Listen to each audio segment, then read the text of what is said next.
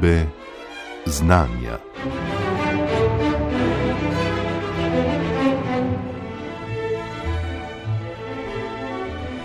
Razsvetljeno okolje, sodobni način življenja, v katerem vsak dan znova zmanjka časa za vse, kar bi želeli storiti ali početi, pa vse prepogost stres, ki se je zdaj v COVID-19 obdobju le še poglobil, vse to nedvomno zelo slabo vpliva na kvaliteto našega spanja. Poleg tega našemu spancu na roke ne gre niti že globoko usidrano razmišljanje, da je nekako škoda nameniti spanju tako zajeten kos svojega časa.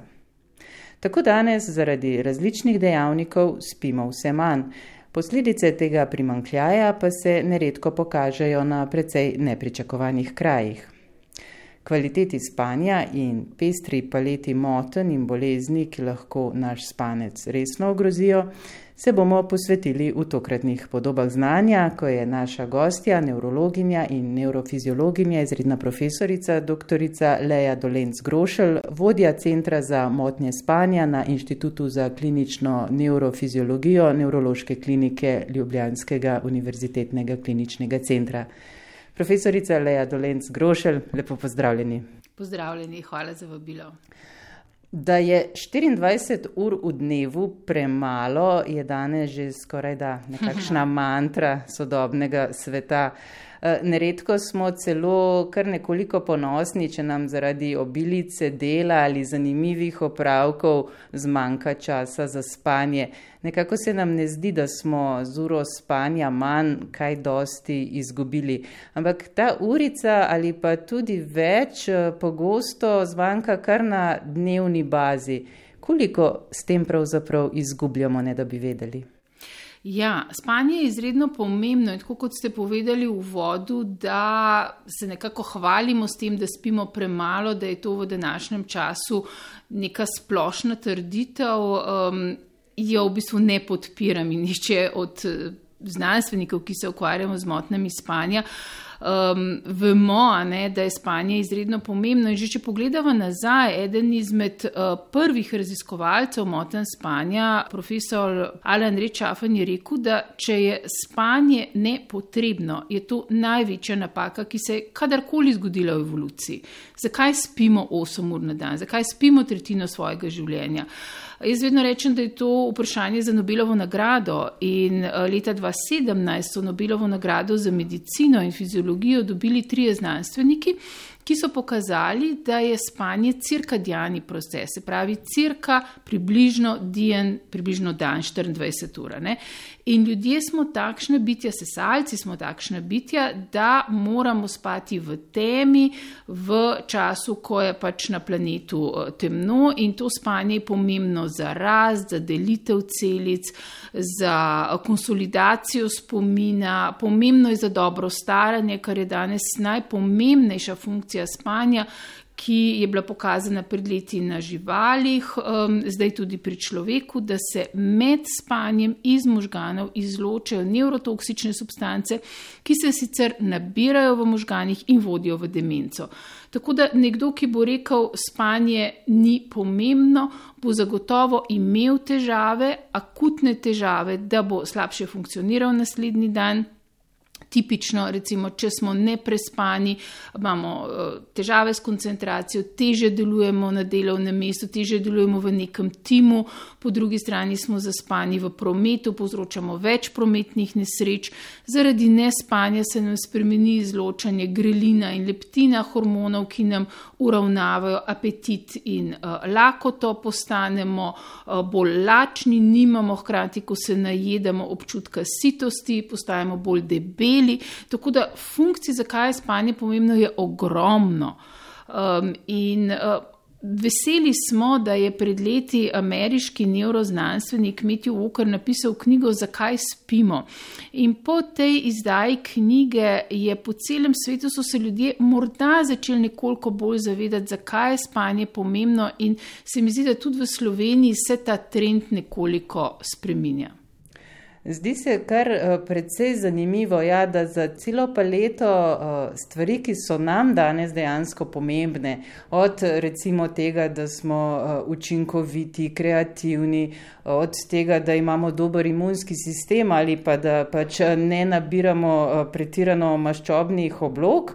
Vse to so neke stvari, ki danes so nam pomembne, zato pogosto radi posegamo po najrazličnejših um, trikih, če lahko temu tako rečem, morda prehranskih dodatkih, morda ne vemo čemu vsemu, pa je morda uh, problem ravno v tej manjkajoči količini spanja. Ja, problem je recimo v Sloveniji so uspavala najbolj predpisana zdravila za centralno živčevje. Uh, Eh, tudi študija, ki je bila delana eh, na Inštitutu za javno zdravje pred leti, je pokazala, da velik delež slovencev, do 10%, prejema uspavala. Nažalost se je v lanskem letu, v času epidemije COVID-19, stanje še bistveno poslabšalo, ne samo v Sloveniji, po celem svetu je prišlo do pandemije nespečnosti, tako visokih procentov, do 30, celo do 40 procentov nespečnosti v lanskem letu, nikoli v zgodovini nismo uh, beležili. In tukaj se potem pojavlja, tako kot ste rekli, vprašanje, da se poslužujemo uspaval, poslužujemo se raznih substanci iz marihuane, po drugi strani se poslužujemo ne samo kave, ampak tudi drugih poživil, ki so še bistveno bolj močne, ki imajo dolg razpolovni čas in ki nam popolnoma uničijo spanje. Tako da nekih kratkih instant rešitev, da bomo spremenili ta naš ritem spanja in ga skrajšali, nažalost ni. In kot pravi Matthew Walker, namesto da si nastavimo uro, kdaj se zbudimo, si dajmo planirati aktivnosti preko dneva in si zvečer nastavimo budilko, kdaj bomo šli spat. Ker potem, če bomo zaspali ob tisti uri, ki je dobra za naše telo, vemo, koliko potrebujemo in se bomo lahko celo zbudili brez budilke. Omenili ste torej to uh, poglobitev nespečnosti v času zdaj uh, epidemije COVID-a, ko je dejansko stres, ki je že prej bil znan uh, dejavnik nespečnosti, se na najrazličnejše načine še okrepil. Um, ali obstajajo kakšni načini, torej samo, da se človek osredotoči na zmanjševanje tega stresa za boljše spanje, ali je v vsakem primeru um, potrebnejša bolj, bolj celovit um, pristop? Ne, zadeva je v bistvu v začetku zelo enostavna. V času pandemije, predvsem v začetku, ko nismo poznali virusa, ko nismo vedeli, ali smo dovolj zaščiteni ali ne, je bilo veliko neke anksioznosti in po drugi strani eh, gledanje novic z alarmantnimi, strašljivimi novicami zvečer nas v bistvu še bolj vrže v ta krok eh, nespečnosti, ne? ko zvečer, ko odidemo v posteljo, razmišljamo o tem, po drugi strani razmišljamo, ali bomo imeli službo, ali bomo pač brezposelni, kako bomo zaspali, kako bomo naslednji dan funkcionirali. Tako da uh, enostavno rečemo, pustimo skrbi izven spalnice, napišemo si nek dnevnik z vprašanjem, vse, kar nas skrbi, in ko bomo v postelji, ne, si rečemo, to smo se že prej v bistvu s tem ukvarjali, o tem ne bom več razmišljal, zvečer berimo neko sproščujočo knjigo pri navadni sobni svetilki, se pravi ne na tablici, ne se ukvarjati s telefonom, ker modra svetloba, ne se pravi za teh virov, ki so blizu našega očesa, bo zavirala izločanje melatonina, zaradi tega bomo zaspali kasneje, melatonin se bo izločal dlje časa in zjutraj bomo težko vstali. Eh, in po drugi strani zvečer ne gledajmo nekih alarmantnih novic. Ne? Uh, absolutno ne pa se posluževati alkohola, ne se posluževati marihuane, ker te substance bodo sicer v začetku skrajšale latenco spavanja, kar pomeni, da bomo hitreje zaspali, vendar kasneje bomo imeli manj globokega spanja, več prebujanj, manj kvalitetno spanje, potrebovali bomo vedno večje doze in bomo zopet v tem začaranem krogu, iz katerega bo zelo, zelo težko uh, se vrniti nazaj na normalo. Kaj se torej, če malo pogledava zdrav, kvaliteten spanec, profesorica dr. Leja Dolenc Grošelj, pravzaprav dogaja v naših možganih? Omenili ste to globoko spanje, vemo tudi, da lahko veliko sanjamo. Skratka, marsikaj zanimivega se dogaja v naših možganih, ko spimo, pa to ne mara zaradi pač ali določenih substanc, ali zaradi stresa, ali zaradi česar koli, nekako eh, je ta ritem moten. Ja, eh, spanje ni enovit proces. Če govorimo pri zdravem odraslem človeku, ločimo pet faz spanja. Najprej je ta eh, plitko spanje, dremež, ki si ga želimo čim manj, se pravi prehod iz budnosti v spanje. Nekako, če rečemo v celi noči, bi ga moralo biti manj kot 5%. Potem imamo drugo fazo spanja, ki jo je največ, približno 50%, in ostali čas, nekako 25% globokega spanja, 25% REM spanja. REM spanje, rapid eye movement sleep, v bistvu to aktivno spanje. Um, faze spanja se po noči eh, dogajajo tako, da so v prvem delu noči bolj globoke faze spanja, kar je zelo pomembno. Recimo v globokem spanju se nam izloča več rasnega hormona, eh, otroci, mladostniki v tem času raso in ker je spanje vezano tudi na ritem telesne temperature, ki nam po noči pade in gre proti jutru navzgor, je največ globokega spanja v začetku noči, ko imamo najnižjo telesno temperaturo. Telesna temperatura ravno tako niha v tem ciklu 24 ur in je vezana na, na ta cikl, in je najnižja v bistvu pred polnočjo. Zato ne, so naše babice govorile, spanje pred polnočjo je dobro, absolutno najbolj dobro za naše otroke, ker tam res se jim izloča rastni hormon. Medtem ko v drugem delu noči, ko nam temperatura narašča, so cikli takšni, da je manj globokega spanja in več rem spanja. Takrat res, da več sanjamo, se tega tudi bolje spominjamo, če nas nekdo zbudi direktno iz rem rema, vendar potrebujemo tako globoko kot rem spanje. Ne? Ker po noči se nam dogaja to, da se nam utirja spomin. Se pravi, mi moramo utirati ta spomin, moramo ga konsolidirati, informacije, ki smo jih nabrali, kar smo se naučili, po drugi strani se pa vsega ne moramo zapomniti, zato potrebujemo rem spanje v drugem delu noči, ki pa izloči tiste spomine, ki niso pomembni za nas. Se pravi, v spanju pomnimo in hkrati pozabljamo, ker če bi se spomnili vsega, potem bi imeli toliko informacij, da s tem uh, bi zelo težko funkcionirali. Omenili ste ne, ta ritem. Danes številni ljudje odrasli, pa tudi vse več mladostnikov, pravzaprav eh, dobi zelo malo tega spanja pred 12. Eh, uro po noči. Eh, javna razsvetljava, pa vse te sodobne naprave, od televizije do zdaj telefonov in tablic, praktično so povsem podrle ta naš nekoč na temo in noč vezan ritem. Zdaj, seveda ne živimo v času brez elektrike, da bi hodili spat s kurami in ostajali s petelini, to je nemogoče. Ne?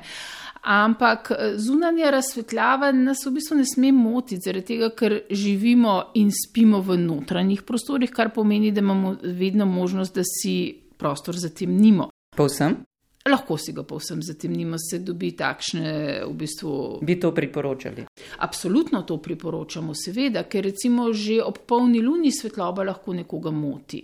Medtem ko vire svetlobe, ki pa jih imamo v prostoru samem, za te smo pa odgovorni sami, tako da mi vedno rečemo, da naj se telefon pusti izven spalnice.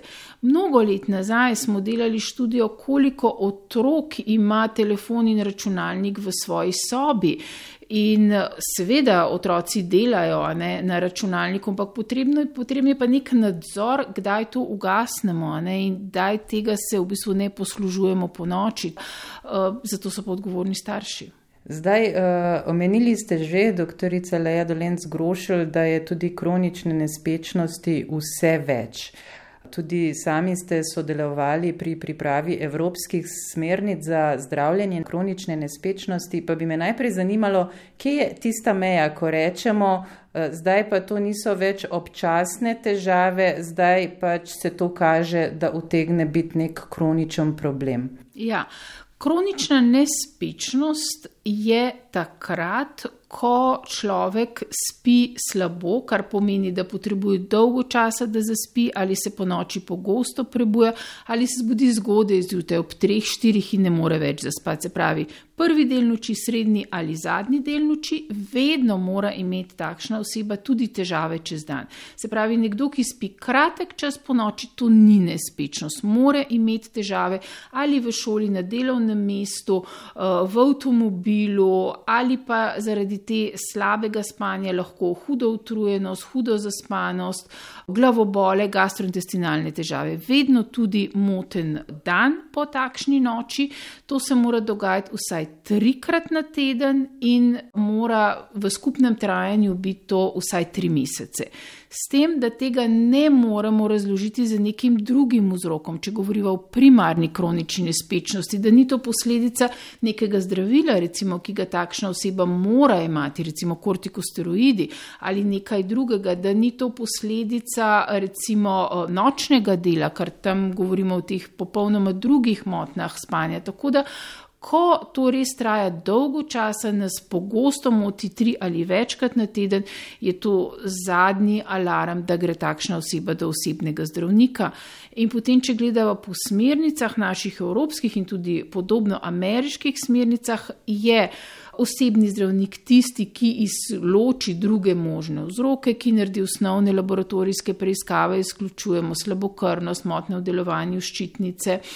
In potem uh, je prva terapija izbora kognitivna vedenska terapija, se pravi klinični psihologi, ne farmakološka terapija, da poskušamo utiriti zopet nazaj to normalno spanje po noči. Šele, če to ne pomaga ali če res tega nimamo na voljo, kar je velik problem v Sloveniji, da nimamo dovolj kliničnih psihologov, potem se lahko poslužujemo zdravil, ki jih dajemo vedno za kratek čas. Se pravi, uspavala niso, niso prva terapija izbora. Ne? Pri kronični nespečnosti. Zdaj, če govorimo o neki akutni nespečnosti, ob nekem stresnem dogodku, da moramo takrat rešiti, ja, takrat imajo pač tudi ulogo določena uspavala, vendar nobeno uspavalo se po um, navodilih, kako se jih jemlje, ne sme kontinuirano imati več kot tri tedne. Kako pa delujejo in zakaj je problematično njihovo predolgo jemanje? Ja, imamo klasično uspavala, ločimo na benzodiazepinska, starejša uspavala, ki imajo v bistvu neselektivno delovanje na ta receptor. Benzodiazepinski in poleg uspavalnega učinka imajo anksiolitičen, miorelaksanten učinek, tudi antipileptičen učinek eh, in hkrati imajo ponavadi dolg razpolovni čas, imajo stranske učinke tudi v naslednjem dnevu. Na ta uspavala vemo, da se zelo hitro navadimo, tudi če imajo imajo kratek razpolovni čas, jih ljudje lahko jemljajo celo zvečer in še po noči, in se s tem že v drugem delu noči uničijo spanje. Um, in se bodo zelo težko odvadili od njih. Tako da danes teh starejših benzodiazepinskih uspaval praktično ne predpisujemo. Potem pa imamo novejša. Uh, uspavala, ki pa delujejo selektivno na ta GABA-A receptor, kar pomeni, da imajo res samo hipnotičen učinek. Vendar tudi ta uspavala po treh tednih nimajo več učinka. In če jih jemljemo dlje časa, ljudje zaradi tega, ker dolgoročno prejemajo uspavala, imajo bolj porušeno spanje, kot bi ga imeli, če uspavala ne bi prejemali. Eh, po drugi strani imamo ta novejša uspavala v Sloveniji samo z tem, kratkim razpolovnim časom, kar pomeni, da so namenjena za uspavanje, ne delujejo pa celo noč. In jaz vedno pacijentom povem, čudežnega uspavala, ki vas bo uspavalo v 15 minutah, po katerem boste spali 8 ur in se zjutraj zbudili kot prerojeni, ga ni nikjer na svetu. To so anestetiki, recimo, kar pa seveda, da ne bomo, da ne bomo predpisovali. Tako da se potem. Vedno s pacijentem pogovorimo, če gre za neko kronično motno spanje, ob tem lahko tudi za neko generalizirano anksioznost, depresivno razpoloženje, potem dajemo druga zdravila, ki so, se pravi, antidepresivi z dobrim učinkom na spanje ali anksiolitiki z učinkom na spanje. Zaradi tega, ker na ta zdravila pa ne poznamo odvisnosti, se lahko jemljajo na dolgi čas in ponavadi jih tudi predpisujemo v nizkih odmerkih, vendar to je zelo individualno. Se pravi, vedno se treba s pacijentom pogovoriti, izključiti druge možnosti in če res ni drugega, predpišemo zdravila. Obstaja pa seveda zelo veliko različnih motenj in tudi bolezenskih stanj, ki neposredno vplivajo na naše stanje. Pri vas v Centru za motnje spanja, pravzaprav bolnike, ki so napoteni k vam, pogledate, kako spijo. Kaj pravzaprav um, spremljate tisto noč, ko so pri vas, je to samo ena noč, katere podatke zbirate, kaj pravzaprav vse izvete na tak način, kar drugače ne bi mogli, uh, doktorica Leja Dolenc Grošelj? Ja, um, Mi smo v bistvu edini terciarni laboratorij za motne spanja eh, pri odraslih, kar pomeni, da so k nam napoteni pacijenti iz vse Slovenije z najrazličnejšimi motnami spanja. Mi po mednarodni klasifikaciji motne spanja poznamo 90 različnih eh, bolezni spanja.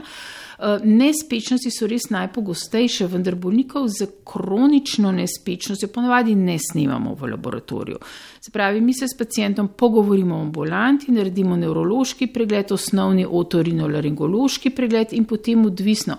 Če gre za motne dihanja v spanju, bomo po noči ob možganski aktivnosti vedno snemamo gibe očesnih zrkal za določanje pač REM faze spanja, EMG mišic brade, dihanje skozi nos, usta, gibe prsnega koša, abdomna, eh, kisik v krvi, EKG eh, in potem lahko snemamo še gibe rok in nog, če so recimo periodični gibi eh, nog po noči. Če imamo bolnika, kjer sumimo na neko epileptično dogajanje po noči, bomo snemali 32 kanalov možganske aktivnosti EEG-ja. Če imamo bolnika z uh, hudo prekomerno dnevno zaspanostjo, recimo sum na narkolepsijo, bomo snemali po noči in po dnevi, se pravi, odvisno na kaj sumimo, kakšno montažo bomo snemali po noči in če gre za prekomerno zaspanost, lahko delamo teste srednje latence uspavanja pri bolnikih z narkolepsijo, idiopatsko hipersomnijo in drugimi centralnimi motnami uh, zaspanosti. Če pa gre recimo za voznike motornih vozil, z motnjami dihanja v spanju, pa bomo teste podnevi prilagodili njim. Se pravi, nas ne zanima, v kolikom času oni zaspijo v temnem prostoru, v kakšno fazo zaspijo, ampak nas zanima, koliko časa lahko ostanejo budni v neki monotoni situaciji. Se pravi, delamo teste srednjega trajanja budnosti, ne da rečemo, ali je ob tej motni dihanja po noči, ki smo jo recimo zdravili z dihalnim aparatom, še ostala rezidualna zaspanost, ali je taka oseba sposobna za vožnjo motornih vozil. Koliko pa je uh, to vrstnih težav, kjer pravzaprav je problem v samem dihanju, v motni dihanja in kaj so razlogi za to? Ogromno. Eh, zdaj s tem se seveda ukvarjajo tudi pulmologi, kadar govoriva samo o motni dihanja v spanju. Največkrat gre za obstruktivne pauze dihanja v spanju, ko pride do zapore zgornje dihalne poti. Tipično so to moški srednjih let, debeli, Po menopauzi se tudi ženske nekako izenačijo z moškimi, zaradi tega, ker se drugače odlaga maščevje. Gre za zaporo v zgornjih dihalih, kar pomeni, da najprej slišimo smrčanje in na to ob smrčanju pauzo dihanja, ne, ki pri odraslem človeku traja več kot 10 sekund. In to se ciklično ponavlja. Diha, ne vem, ima tri vdihe, neha dihati, zopet zadiha in takšne osebe po noči manj dihajo, kot dihajo, zato imajo zjutraj visok CO2, nizek kisik, motne hormonov, eh, motne spolnih funkcij, eh, pogostejše uriniranje po noči, jutranje glavobole in hudo zaspanost čez dan. In tega je ogromno, tega je od 6 do 10 odstotkov splošne populacije. Uh, druga najpogostejša motna spanja je takoj za nespečnostjo. Nažalost, še vedno preredko diagnosticirano. Eh, Nažalost, nas je laboratorijev zato še vedno premalo, čakalne dobe so nedopustno visoke. S tem, da se moramo zavedati, da živimo v Evropi in pri nas ravno tako veljajo isti zakoni, kot veljajo druge v Zahodnji Evropi, da bolniki z motnami dihanja v spanju niso sposobni za vožnjo motornih vozil. Pri nas je nekako problem v tem, da seveda naredimo vozniški izpit pri 18. letu in ga imamo zelo, zelo dolgo časa. Pri poklicnih voznikih, kjer je zaradi narave dela, eh, zaradi eh, v bistvu nepravilne prehrane, metabolnega sindroma, eh, ta motna še pogostejša, jih nekako koliko hitreje diagnosticiramo, ker jih gledajo medicinci dela prometa in športa, kjer imajo obdobne preglede, kjer na to pomislijo, izpolnijo te vprašalnike in jih pošljajo naprej, tako da vsaj za njih upamo, da ne vozijo v takšnem stanju, ki je seveda zelo nevarno, ne samo za njih, ampak za vse udeležence v prometu. Pa se človek tega dejansko zaveda, da ima problem? Sam ne, ponavadi nam o tem poroča partner, zaradi tega, ker nekdo, ki po noči ne diha, se ne bo spomnil. Takrat mu naraste CO2 in je on bolj komatozen in se tega ne bo spomnil. Bolnik, ki pride k nam ambulanto in reče: Po noči ne morem dihati, so ponavadi panični napadi v spanju. Takšen bolnik se bo zavedal, da se po noči pogosto prebuja, mora trikrat in več na noč na vodo, ima, uh, zbuja se za suhimi usti, hudimi jutranjimi glavoboli in je podnevi zaspan. Medtem ko samih pauz dihanja, ki se dogajajo, dogajajo v spanju, se pa ne zaveda. Eh, vsekakor se zdi, ja, kot ste omenili, Leo Dolenc Grošelj je eh, zelo velik problem, očitno tudi ta, kolikšnega dela naših težav povezanih s spanjem se pravzaprav ne zavedamo, tudi ko gre dejansko za konkretna neka oboljenja, glede na številke. Ja, ampak so pa posledice po dnevi in uh, zato si želimo, da osebe pridejo do osebnega zdravnika, osebni zdravniki poznajo to in vedo v bistvu, kdaj poslati naprej. Druga motna dihanja v spanju, ki se jo mi neurologi bojimo, so seveda centralne motne dihanja v spanju, ki se tudi dogajajo pri bolnikih z možgansko kapjo.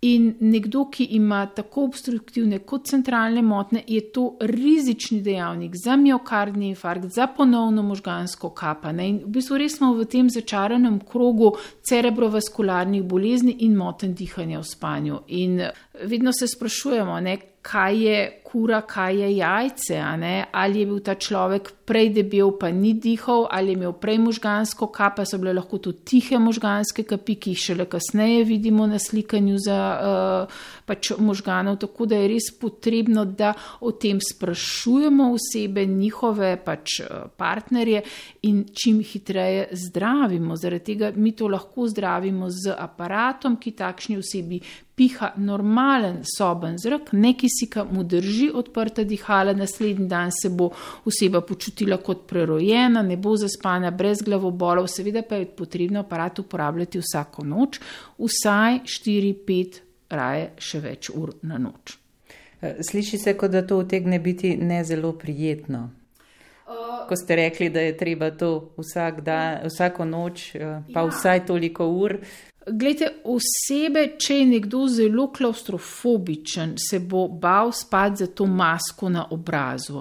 Takrat rečemo, so različne maske, tudi samo v nosnice, vse se da prilagoditi. Uh, ponavadi nekdo, imamo različne aparate, lahko prilagajamo, da začne pihati z nizkim pritiskom, da človek zaspi, se potem zvišujejo pritiski, so višji pritiski, kadar spi na hrbtu zaradi gravitacije, ker so hujše apne kot na boku. Uh, Partnerja bo to manj motilo, zaradi tega, ker ne bo slišal smrčanja.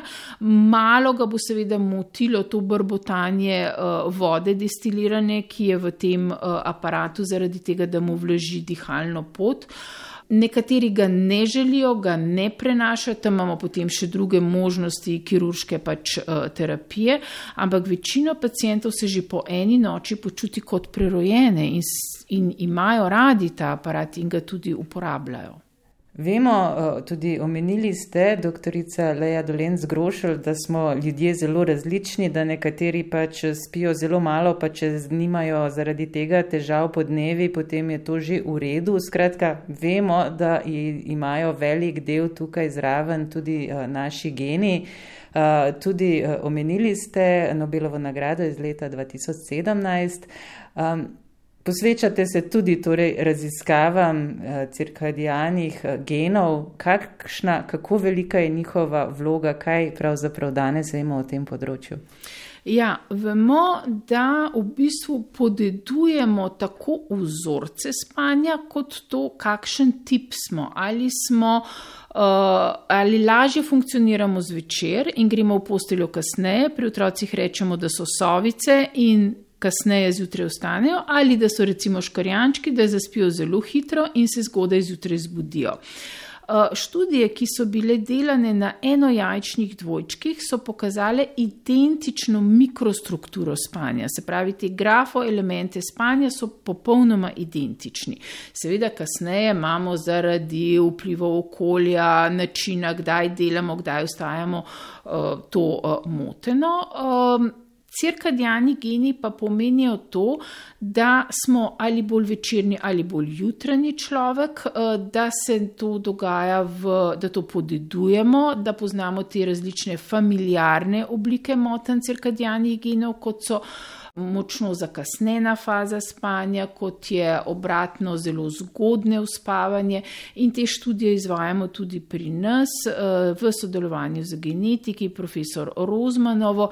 In iščemo, se pravi, genetske osnove teh motenj. Zakaj je to pomembno? Zaradi tega, ker nekdo, ki ima te težave, bo težko funkcioniral že v šoli, kasneje v službi.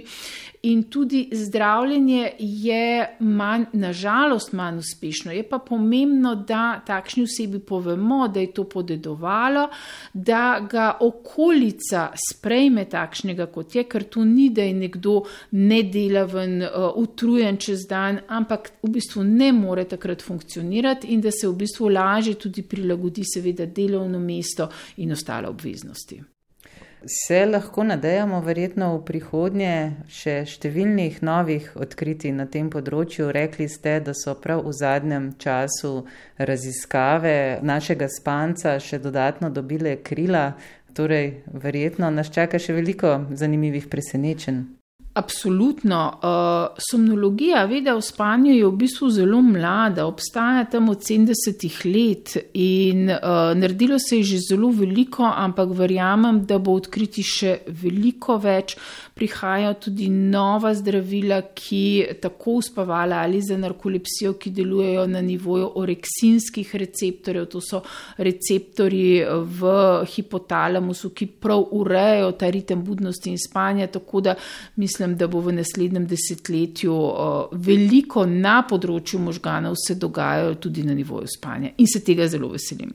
In morda bomo tudi spali več in bolje. Upajmo. Najlepša hvala za tale pogovor, profesorica dr. Leja Dolenc Grošel. Hvala vam.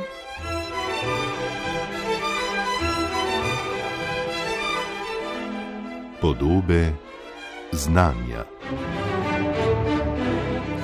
Z doktorico Lejo Dolenc Grošelj sem se pogovarjala Nina Slaček.